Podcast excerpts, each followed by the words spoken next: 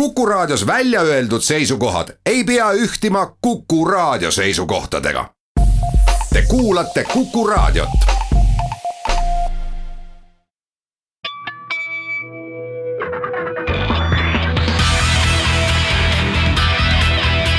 õigus ja õiglus. tere päevast riigieelarve seaduse eelnõust ja eriti tema seletuskirjas ette nähtust on möödunud nädalatel väga palju räägitud. ja täna võtame selle teema ette meiegi, aga usun, et sellise nurga alt, mida varem ja teistes saadetes jutuks pole tulnud. ehk siis arutleme selle üle, mismoodi saab riigikogu riigieelarve seaduses muutusi teha, näiteks mõne katuseraha ära jätta või vastupidi, hoopis juurde kirjutada. arvestades seda, et eelarves peaaegu arusaadavad read puuduvad ja saatesse olen palunud riigikontrolör Janar Holmi, tere Janar. tere. ja Eesti Maksumaksjate Liidu juhatuse liikme ja teada-tuntud eh, maksu- ja riigieelarve eksperti Lasse Lehise, tere Lasse. tere. Nonii, et me siin Janariga oleme teinud ka eeltööd kumbki üksteisest sõltumatult, ehk siis vaadanud ajaloolisi ürikuid. et mina näiteks õigusteadlaste päevade kõneks valmistudes uurisin äh, tuhande üheksasaja kahekümne kaheksanda ja kahekümne üheksanda aasta Riigi Teatajaid ja sealhulgas riigieelarvet ja vot see oli nüüd küll täiesti selge järelikult oli ka tollal riigikogul võimalik valida, et kas ehm, näiteks kiirem on noh, nagu seal on kirjas Jämejala vaimuhaigemaja uue haigemaja ehitamisega või siis sõjalaevade remondiga ja mis mahus, samamoodi oli seal näiteks Keskpangi maja aurujõul töötava köögi rajamise kulud. noh, huvitavatest asjadest näiteks Pärmi aktsiis ja siis isegi paks paar sellist asja, mida praegu kvalifitseeritaks katuserahaks, ehk siis teatavad sihtkapitalid. aga need olid kõik riigieelarve seaduses endas kirjas ja ka täna, üheksakümmend aastat hiljem on meil kõikidel võimalik lugeda mis tollal maksumaksja raha eest teoksil oli, et kust tulid tulud, kuhu läks kulu. kui me vaatame käesoleva aasta riigieelarvet või siis seda eelarve eelnõu, mis on mõeldud tulevaks aastaks, siis sellist selget pilti enam ei ole ja riigieelarve baasseaduse muudatuste kohaselt üha hämaramaks avalikkuse jaoks kogu see asi läheb ja riigikogu võimalused, kui neid üldse on, on väga-väga piiratud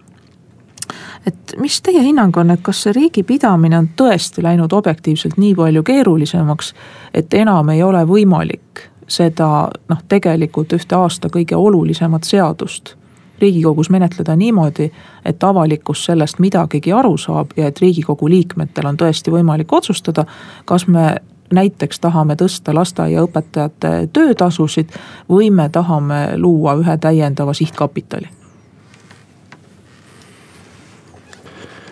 jah, tõepoolest, äh, eks see ei ole ju selle aasta küsimus tegelikult see riigieelarve seaduse eelnõu, et, et sellest ei saa midagi aru, et need nii-öelda miinused ja plussid ja objektiliigid ja finantseerimistehingud, otsesed kulud, siis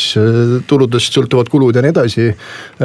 selline ebamäärasus on ju sinna tegelikult päris, päris mitu aastat tagasi juba, juba tekkinud ja ma arvan, et ka väga palju, paljud inimesed on sellele tähelepanu juhtinud, siis küsimus ei ole mitte ainult sellest, avalikkus ei saa aru, vaid kõige hullem on see, et ka riigikogu ei pruugi ise sellest aru saada, mida ta täpselt täpselt vastu võtab, sest et seadus võiks olla ikkagi võrdlemisi, võrdlemisi arusaadav, kui teha ekskursioon ajalukku, siis tõepoolest mina vaatasin ka sõjaeelset äh, ühte, ühte siis riigieelarvet ja, ja uskumatult selge, lihtne. Äh,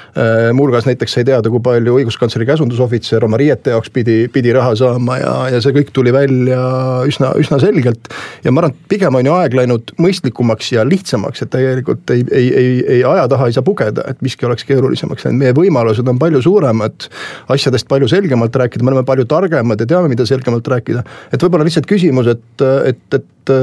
et noh, siin on need näited, mis on riietus ja, ja siis, mis oli auruahi näiteks või mis seal, mis seal iganes oli, et. et küsimus on võib-olla selles detailsus, et võib-olla, võib-olla riigikogu peaks tegelema siis strateegilisemate küsimustega, kas just auru on võib-olla elektri või, või noh, või riietusega mm mitte. aga vähemalt võiks aru saada olla, mis see liiga õudne otstarve on.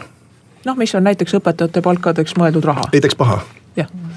no ma arvan ka, et äh, pigem peaks praegu lihtsam olema, et me ei pea paberile ära trükkima kõike seda juttu algusest lõpuni, vaid saab ju, ju ma ei tea, arvutimenüü teha, et niimoodi üldiselt üksikule minna, et, et kes tahab, loeb peatükid läbi, kes tahab, siis äh, vajutab ka niimoodi hiirega klikib ja klikiga, jõuabki lõpuks sinna, sinna lasteaia, ma ei tea, siis söögimenüüni välja, kui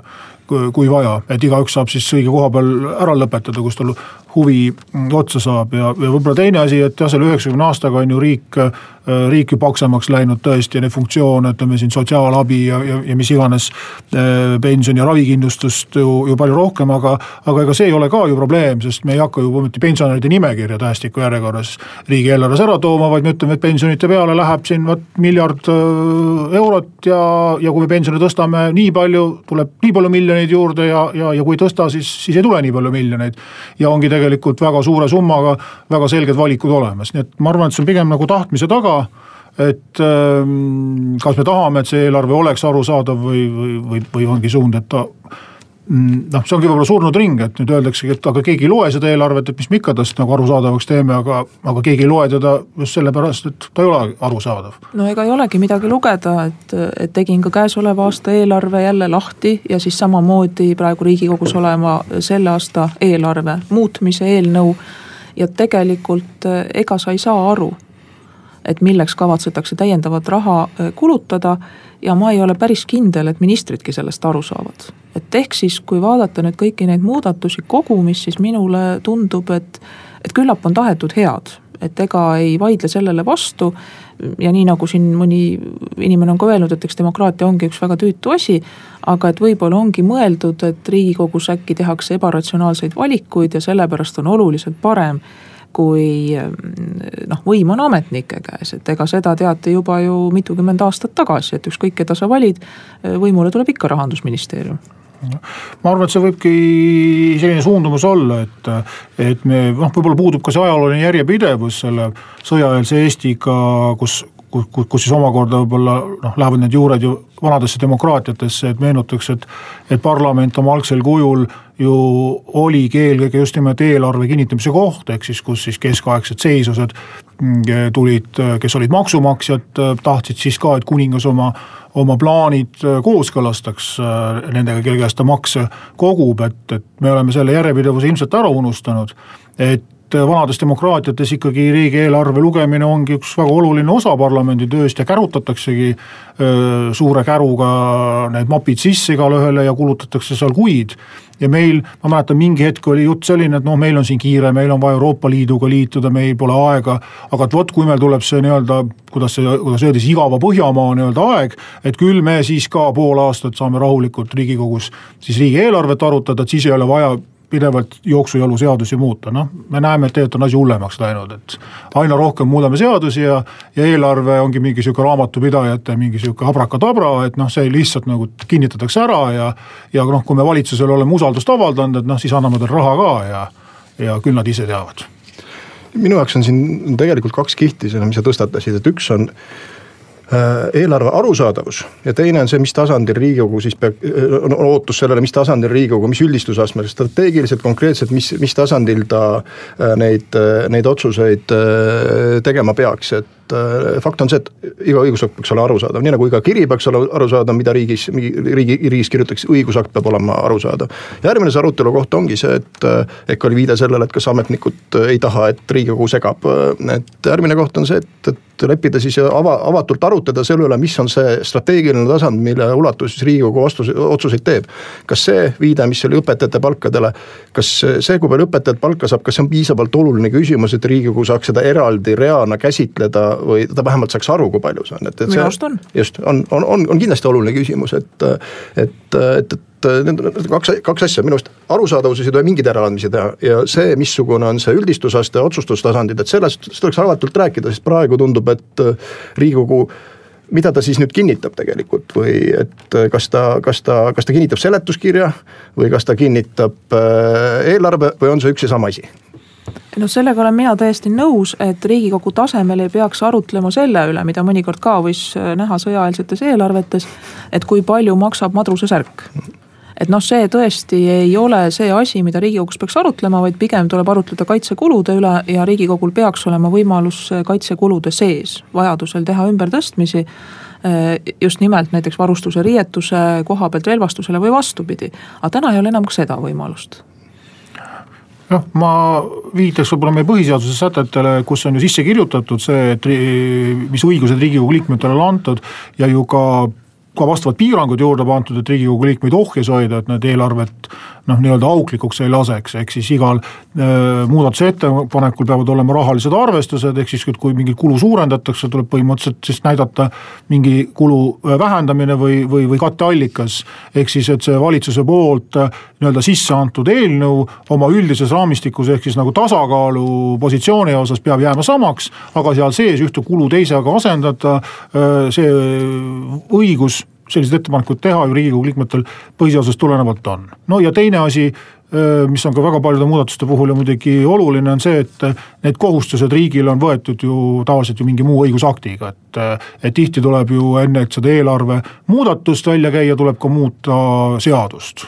mis need, kas siis palgaastmed või, või, või mis iganes või on mingi riigihange, on mingid lepingud taga. et tihti võivad ka takerduda need eelarve muudatused just selle taha, et tekib mingi õiguslik vastuolu, et tegelikult on juba ära otsustatud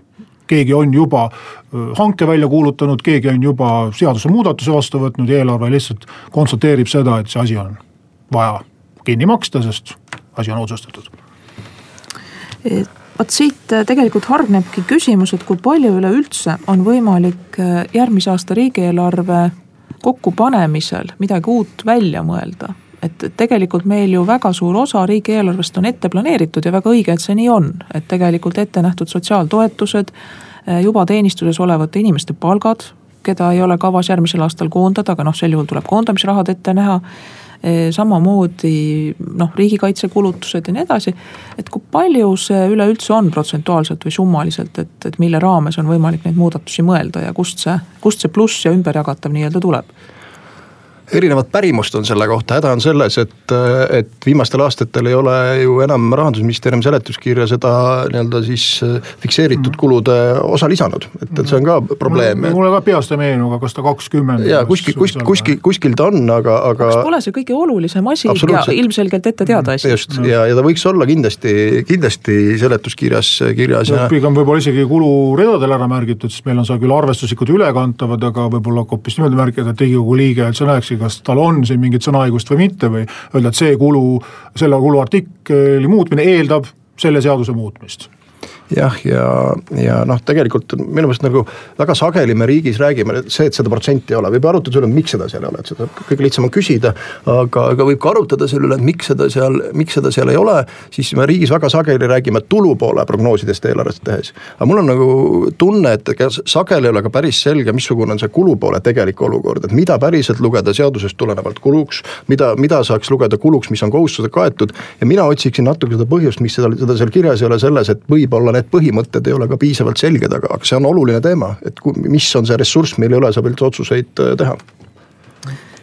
üks äh, näide siin, ma konkreetselt riike ei oska peast öelda, aga Vana-Euroopa praktikast on see, et. et kui nüüd riigieelarve kokkupanemisel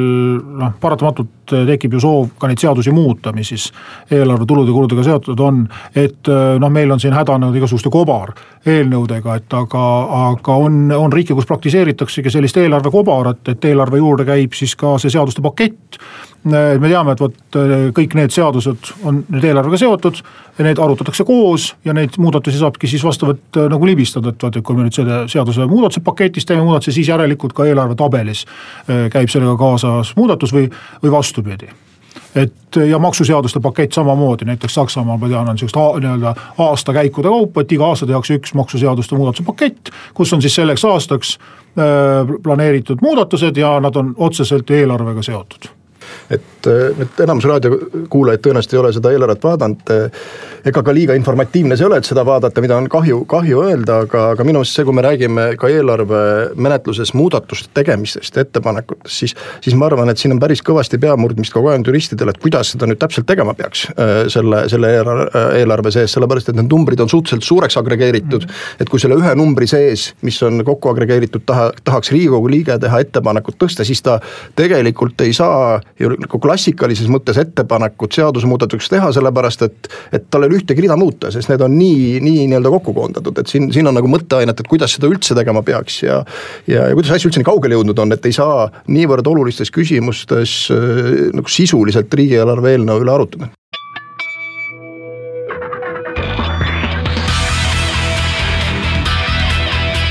õigus ja õiglus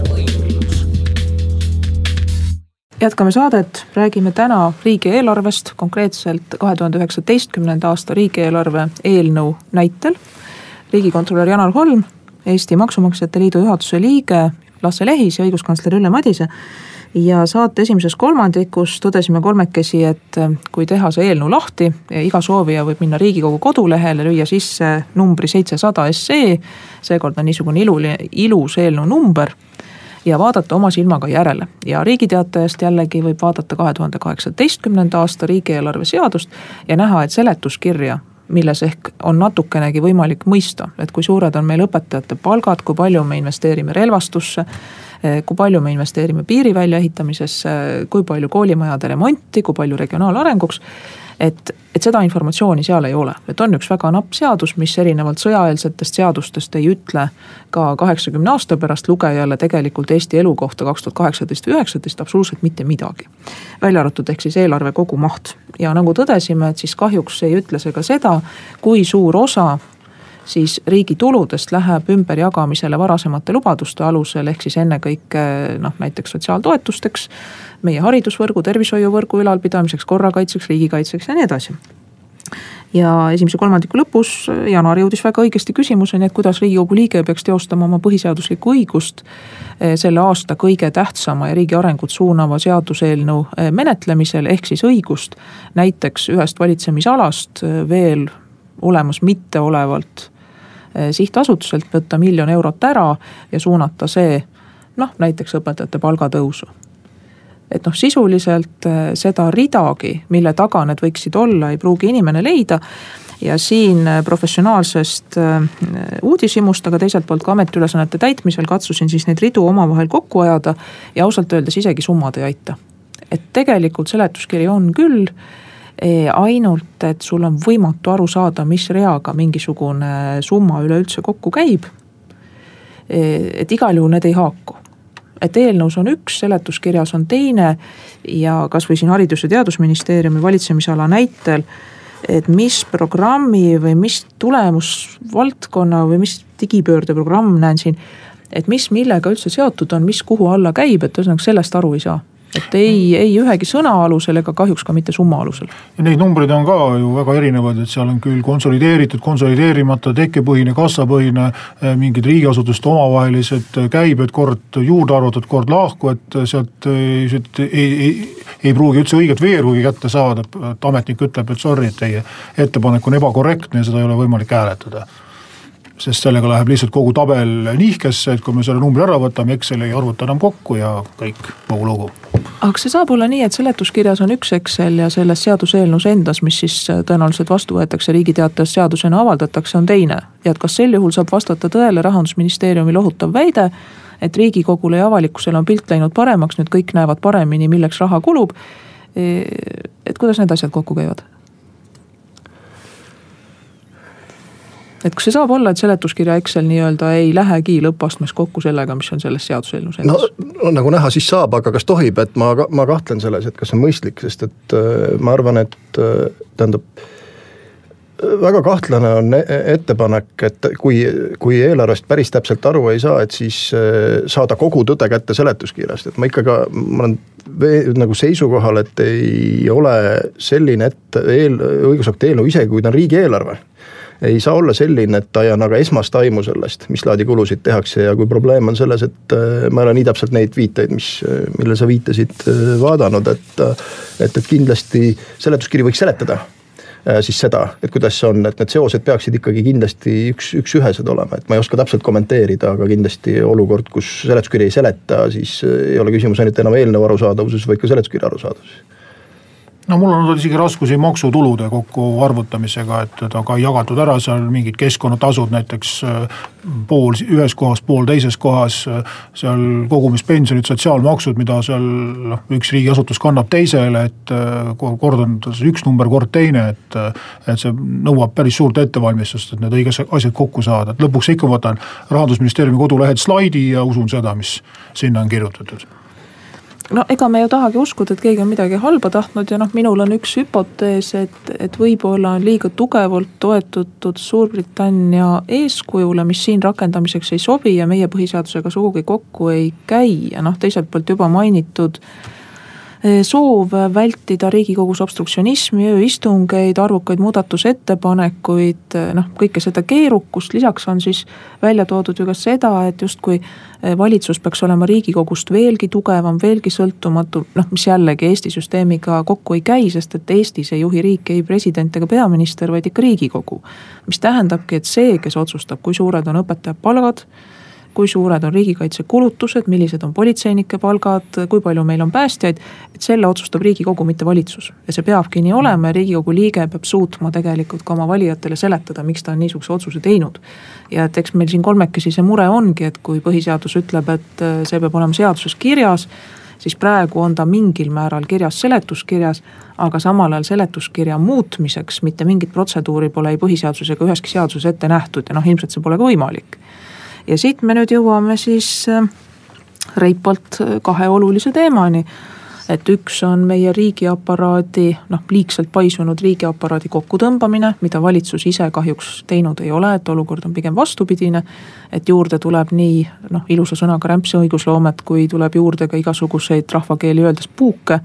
ehk siis kulukaid rahva raha vahenduskontoreid, kus tundub, et nagu põhi, põhiline mõte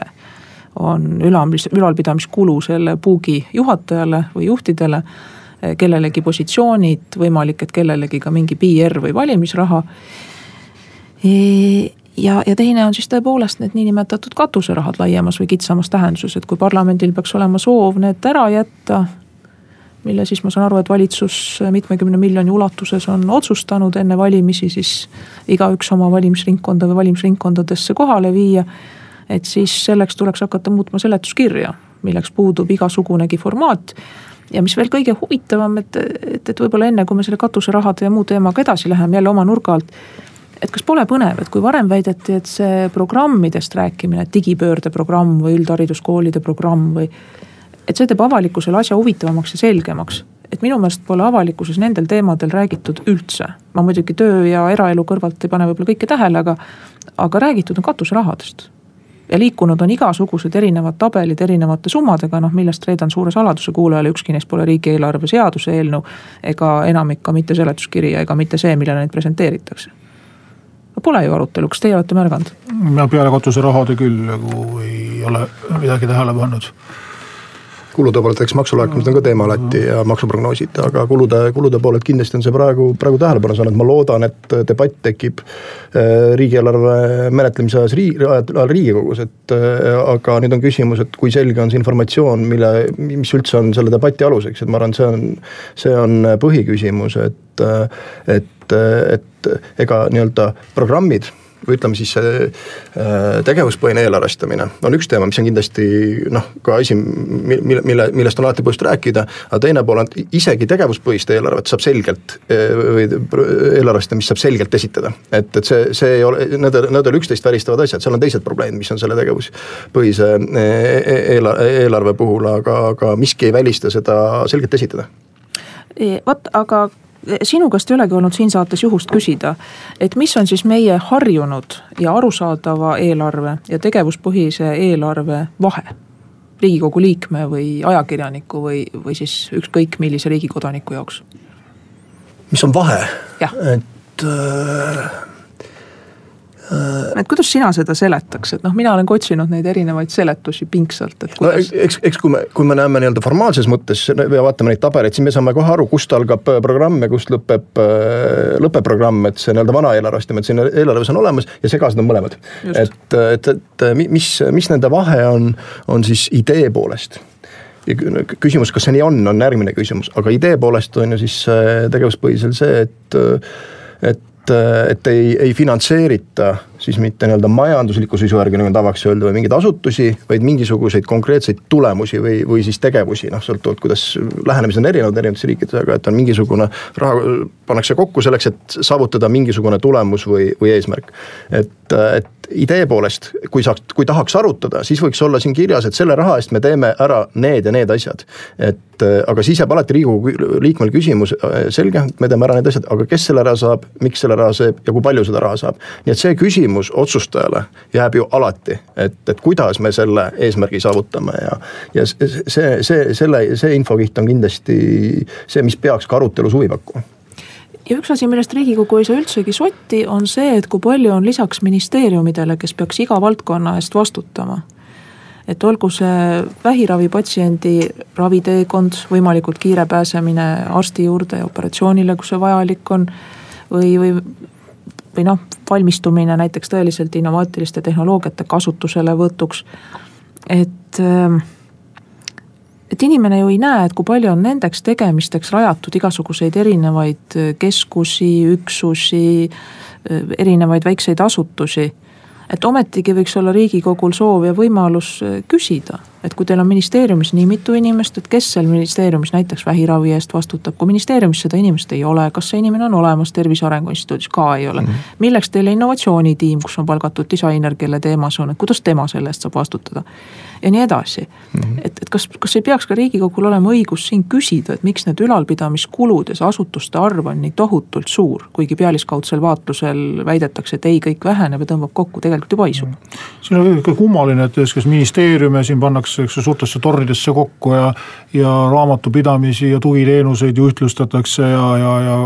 paigutatakse siin ametnike ringi. aga samal ajal tuleb nüüd mingisuguseid pisikesi sihtasutusi, MTÜ-sid seal ühe, kahe-kolme töötajaga niisuguseid eraõiguslikke struktuure nagu, äh, nagu juurde, et see töötab nagu, nagu vastu, et siin peaks ka võib-olla midagi tõsisemalt ette võtma, et kui näiteks raamatupidamises ju kõik need riigid poolt finantseeritavad äh, sihtasutused ja MTÜ-d konsolideeritakse kokku, justkui tegemist oleks riigiasutustega. aga ongi et, ju, maksumaksja raha eest. jah, ja et tuleks seda ilmselt teha ka, ka riigieelarves ja käsitledagi neid kui ministeeriumi osakondi, mis on mingil arusaamatul põhjusel iseseisvaks juriidiliseks isikuks tehtud ja lükata ta sinna eelarvesse sisse samamoodi, et oleks võimalus ka nende asutuste üle arutada, alates sellest, kas teda sellisel kujul üldse vaja on. kas tema ülalpidamiskulud on mõistlikud ja kas tegevused e, ei ole näiteks dubleeritud või, või, või on seal neid töötajaid liiga palju, liiga, liiga vähe, et praegu jah, tegelikult liiguvadki need rahad ju nagu, nagu paljuski kontrolli alt välja, et meil on üks rida, et vot ministeerium annab tegevustoetuse, sõlmib seal mingi lepingu, aga, aga edasi nagu need otsad kaovad ära aeg on ju tegelikult mitte enam sõnades, vaid ka tegudes küps selleks, et meenutame üheksakümnendate aastate keskpaika, ei mäleta seda aastat täpselt. Äh, aga oli aeg, kus ühel hetkel leiti, et ameteid ja inspektsioone on liiga palju ja, ja, ja otsustavalt võeti see süsteem ette ja, ja, ja koondati. ja, ja, ja ma arvan, et see aeg on küps ka, ka Eestis, et et see ministeeriumi all olev see rakendusasutuse kiht toodab juba üksteisele ministeeriumile probleeme ja on ebaselge, kes juhib poliitikat, kes rakendab poliitikat, et ma arvan, et see. see mitte ainult sõnades, vaid päriselt tuleb, tuleb midagi ette võtta, et praegu me näeme küll jah, et sõnades me räägime kokkutõmbamisest, teiselt poolt tekib juurde täiesti siis ütleme siis riigi valitsemise seisukohalt ebavajalikke äh, sihtasutusi. ja, ja kui me räägime sellest, mida riigikogu liige võiks sellest eelarvest näha, siis eelarve ei ole ju raha jagamise dokument pärast mida võiks küsida nagu kassadest, kas te tahate tšekki ka saada, et see ei ole tehniline küsimus, see on juhtimisdokument. ja kui me tahame seda, et toimuks muutus riigis, siis hädavajalik on just nimelt välja tuua, missugused on need kulud ja, ja, ja kui me ütleme, et meie, meie päris soov, päris soov on teha riigireformi ehk mõistlikku, noh riigireform on üldse juba selline sõna, et vast tuleb uus sõna otsida, sest kõike üritatakse sinna, sinna alla panna, et, et. et siis muuta mõistlikumaks seda riigimasinat, et, et siis, siis, siis tuleb näidata ka nendes juhtimisdokumentides minu pärast olgu siis kasvõi minimaalselt seletuskirjas ka antud juhul, aga ei ole ka seda, et mis need kulud on selle, selle süsteemi ülalpidamiseks.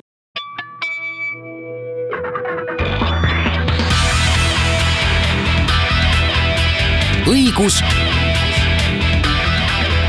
ja õiglus. jätkame saadet, räägime täna riigieelarvest, riigikontrolör Janar Holm Maksumaksjate Liidu juhatuse liige Lasse Lehis ja õiguskantsler Ülle Madise. ja oleme nüüd pärast kahte saate kolmandikku ja loodan, et ka kuulajate arvates õigustatult kriitilisi sõnavõtte, aga loomulikult mõtlemine ja arvamus on meil vaba ja küllap on ka teistsuguseid lähenemisviise. aga nüüd oleme meiegi jõudnud siis eh, selle nähtuse juurde, millest on viimastel nädalatel olnud palju juttu, ehk siis niinimetatud katuserahad ja esmalt tahaksin teile välja pakkuda oma neljase liigenduse ja uurida, et kas te olete sellega nõus. et nimelt ähm, noh, mulle tundub, et paljus ka objektiivsetel põhjustel, et kogu see asi on nii segane, et ei lähe kokku ei summad, sõnad, teod, read konkreetselt eelarveseaduses. et siis on siin nendeks katuserahadeks peetud ja nendena esitletud väga erinevaid nähtusi, aga ühesõnaga mina lööks need neljaks et esiteks tõepoolest vahel tulevad mingisugused lisaülesanded, mille täitmiseks on vaja raha. et või siis on vaja näiteks kuskil eh, remontida ära mingisugune suur infosüsteem, ehitada mingisugune uus eh, haigla. loomulikult selleks on vaja raha, see on lisaraha ja see tuleb minu arvates eraldi välja tuua ja loomulikult niimoodi, et riigikogul on võimalik otsustada, et kas see on praegu just sellel aastal meile jõukohane ja kas see on õige prioriteet. nüüd teiseks on kindlasti olemas ka selliseid pealtnäha kasutuid üksusi, mis on tegelikult vajalikud selliseid ministeeriumi allasutusi, mis vormis nad siis seal ei ole, et on see seal see Tervise Arengu Instituut või, või, või Innove või mõni muu et, et küllap on mingisugune põhjus ja küllap on selliseid ka, et miks nemad on olemas, et kas nüüd nende ülalpidamiskulu ja funktsioonid peavad olema just sellised, see on eraldi arutelu teema ja võiks olla ka riigikogu liikmete menüüs. siis kolmas äh, on minu meelest katuseraha selles päris klassikalises tähenduses, mille üle minu arvates saab juba arutleda, et ehk siis need on need või siis selle lubatavuse üle, et need on siis need pisikesed investeeringud valimisringkondadesse et ehk siis koolikatuse parandamiseks, sõltumata sellest, kas koolivõrgu arengukava järgi on kavas see kool kinni panna või mitte. külaplatsid, ujumiskohad ja nii edasi et noh, siin ma usun, et me saame seda arutada, et, et kas te näete siin ka mingeid plusse, mina näen küll nendel väikestel investeeringutel, kuigi see ei ole ratsionaalne, aga noh, kõik ei olegi ratsionaalne. ja siis neljas kategooria on tegelikult poliitiline korruptsioon. kuhu on siis puhtalt peidetud lihtsalt positsioonid töötasud, eh, mõjuvõim valimiste-eelsel, valimiste-eelses olustikus ma kardan, et ka üks osa valimis- ja PR-kulusid, mida pärast ka mitte kuskil ei deklareerita. mis lähevad halli alasse, et ühesõnaga mina lööks nad niimoodi neljaks, et kas te olete sellega nõus? Äh, jah, et, et meie Maksumaksjate Liidus oleme põhimõtteliselt tegelenud selle kolmandaga, eks selle ehtsa katusrahaga, mis on noh, just kõik oma, oma asjaajamise viisilt äh, kõige rohkem pahameelt tekitanud, et need ülejäänud punktid on, on noh, niisuguse põhieelarve teemad või, või noh, niisuguses üldises raamistikus vaadeldavad, et mis see ehtne katuseraha on, ma mäletan siin ajalugu on vist olnud erinev, et kas antakse igale riigikogu liikmele kindel rahasumma või noh, siis pigem nagu saavad siis koalitsioonierakonnad ja mõnikord on siis ka opositsioonile natuke antud, mõnikord on keeldunud, mõnikord pole neile antud. aga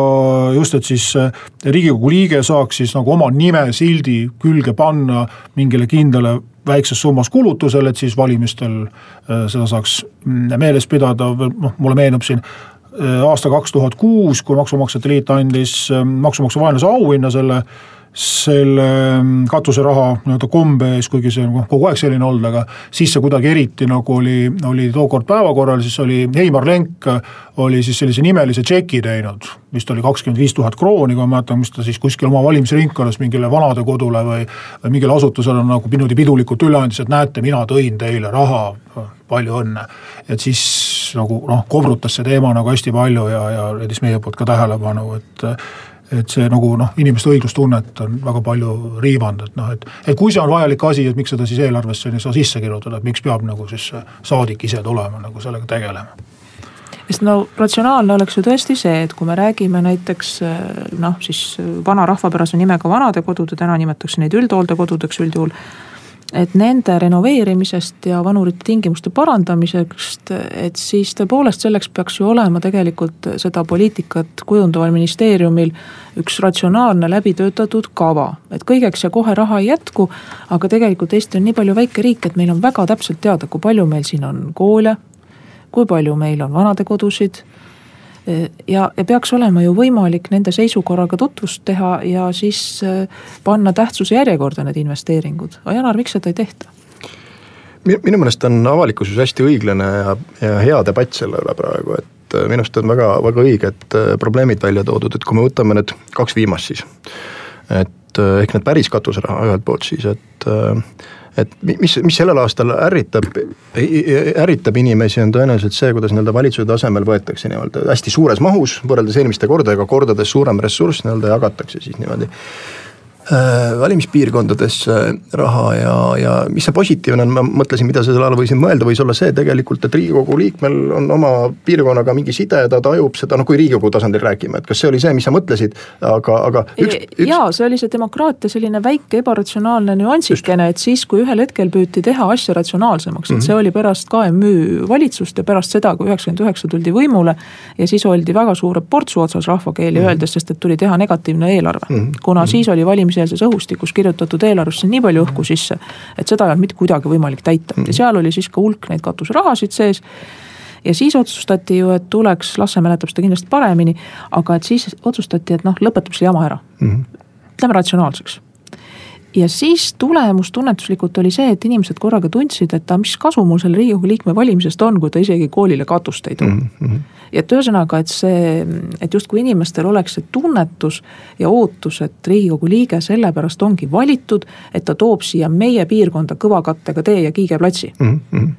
aga võib-olla see üldse ei ole nii, võib-olla see on muutunud, et võib-olla ka inimesed on aru saanud, et, et esiteks on see kohaliku omavalitsuse asi, see kiigeplatsi ujumiskoht mm. -hmm. ja teiseks, et kui me räägime Eesti Vabariigi koolivõrgust või haiglavõrgust, siis see on riiklik küsimus, selleks peab olema üks ratsionaalne programm. ja minister, kes ei suuda oma ministeeriumis, eks ole mm, -hmm. seda asja korraldada, noh, et tuleb siis vastutama panna aga, aga noh, iseenesest katuseraha tõesti, ma olen nõus selle sinu, sinu lähenemisega, aga mis nagu siis sellel korral on ju minu arust õiglaselt välja toodud, on see, et no ega ei ole kellelgi midagi selle vastu, et näiteks Voore kool korda saab või. või mõni ujumiskoht korda tehakse ja nii edasi. ma ei tea, juhul kui sellel koolil on tulevik, on see väga hea. jah, just, et, et need kriteeriumid kindlasti, aga see põhiline küsimus on ju selle puhul ikkagi see, kui nii põhimõttelist ressurssi, mis aeg-ajalt maksab meenutada, kui palju see kroonides on nelisada miljonit Eesti krooni, mis tegelikult sellisel viisil äh, läheb, äh, läheb umbes noh, natuke vähem võib-olla. mis, mis läheb jagamisel ja, ja, ja, ja, ja ja siin on pigem küsimus selles, et riik siseneb siin kohaliku omavalitsuse tegevusvaldkonda, mis ei ole ka probleem, kui ta tahab aidata mingisuguse valdkonna arendamist. aga nüüd on küsimus selles läbipaistvuses ja õigluses mm, -hmm. et mida siis need kõik teised kooliomanikud või supluskoha omanikud või lasteaiaomanikud et, et mida nad peavad teadma, kuidas sellele reele saada, et äh, kas, mis on need kriteeriumid, kas see on valihääl või, või on see siis äh, erakondlik kuuluvus või on see veel miski kolmas-neljas. et, et, et sellest ei ole aru saada, et nagu sa ise ka viitasid, et küsimus on selles, et kui meil on soov teha korda supluskohti. Äh, siis teeme programmi, supluskohtade kordategemise programm, kui meil on, on vaja koole korda teha, siis avatud, arusaadud kriteeriumidega programm, kui need mahud on nii suured äh, ja kui valitsuse tasemel seda otsustatakse, siis oleks õiglane rääkida äh, selgest sihtrahast, kuhu kõigil on võimalik kandideerida ja ei pea muretsema järgmistel valimistel, kas ma olen nüüd õiges kohas või mitte, sellepärast et, et saaks oma koolimaja korda. ja meil on pühakodade programm vist jätkuvalt olemas, aga millegipärast kirikutele antakse ikkagi eraldi toetust jah, siin ma kasutakski võimalust ja räägiks, mis ettepaneku Maksumaksjate Liit on välja pakkunud, kui sellest katuserahadest iga sügise ju on küsitud, on meil kasutusel kohalikul tasandil ju selline, selline nähtus nagu kaasav eelarve on ta Tartus olnud küllaltki pikka aega juba, Viljandis on neid kohti veel ja Tartus on ta nagu väga väga tugevalt linnapildis esindatud, kus siis teatud protsent pannakse rahvahääletusele sisuliselt, kus. kus siis esitatakse neid projekte, neid projekte tutvustatakse avalikult ja, ja inimesed teevad siis oma valikuid. et riigi tasandil on seda noh, natukene keerulisem teha, aga aga minu arust midagi saaks kombineerida tõesti saada, et oleks siis mingi kindel programm, kus siis kõik tõesti, et need kõik need külakoolid või olgu nad supluskohad või ütlemegi, et vot, et sellel aastal me, me nüüd avame selle programmi, kõik saavad sinna kandideerida. kas on siis mingi kodanikuühenduste kaudu mingid ekspertide komisjonid, et nüüd päris jah, sihukest telefonihääletust nagu, nagu siin kuskil öö, telesaadetes tehakse, see, see, see ei oleks ka ilmselt õige lähenemine, sest noh, paraku paraku on nii, et nende äh, valdkondade populaarsus on erinev, et võtame siin kasvõi mingeid spordialasid omavahel, et kandepind on, on, on erinev, et siis äh, noh, nagu, nagu nii-öelda need loomad ja lapsed tavaliselt korjavad, korjavad kogu raha, raha ära ja mingid siuksed vajalikud asjad võib-olla, mis ei ole nii atraktiivsed, noh ei, ei, ei, ei saa tähelepanu, et pigem siis nagu spetsialistide ja ühenduste kaudu hakkaks siis seda mingit kindlat protsenti, mis me seaduses paika paneme, siis äh, jagama. ja kus siis ka riigikogu liikmed saaksid mingil viisil osaleda, aga ei oleks päris niimoodi, et, et lihtsalt nüüd see meie piirkonna saadik tuleb ja toob meile raha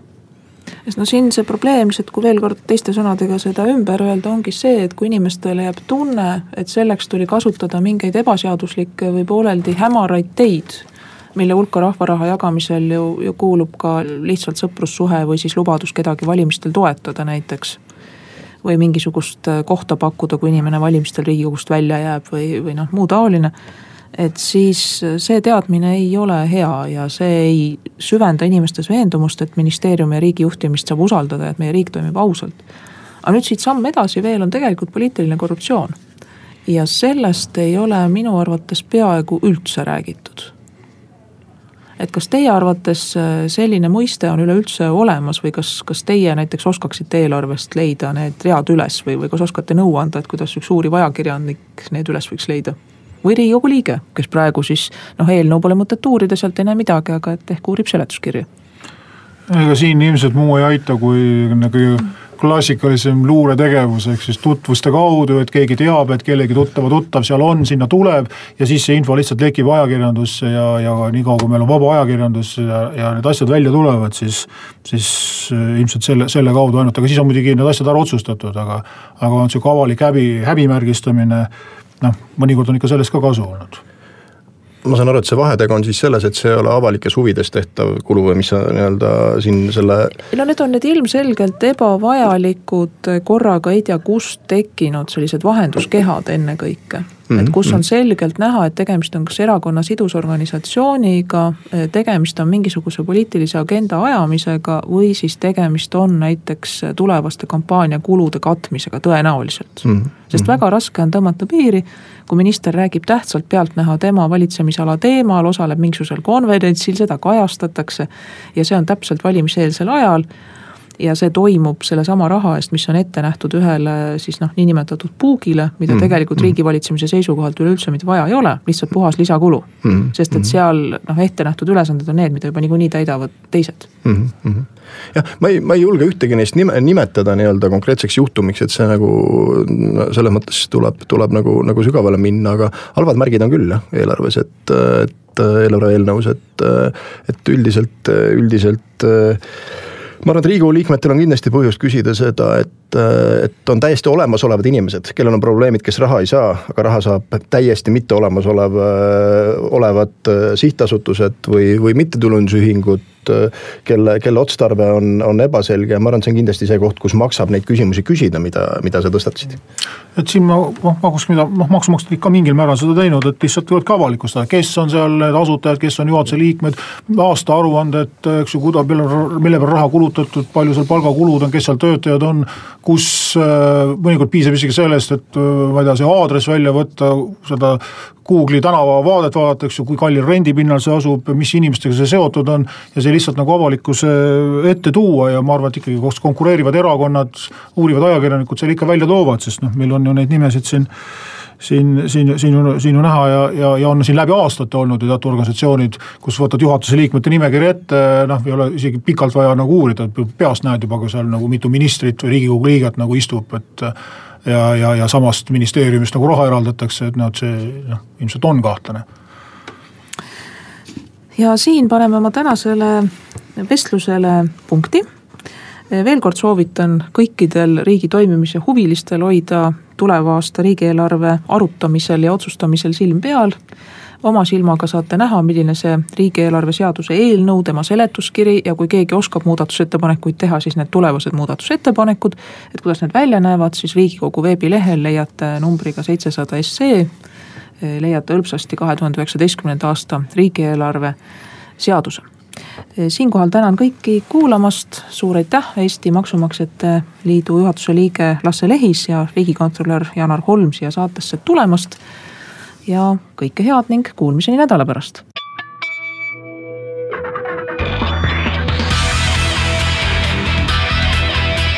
õigus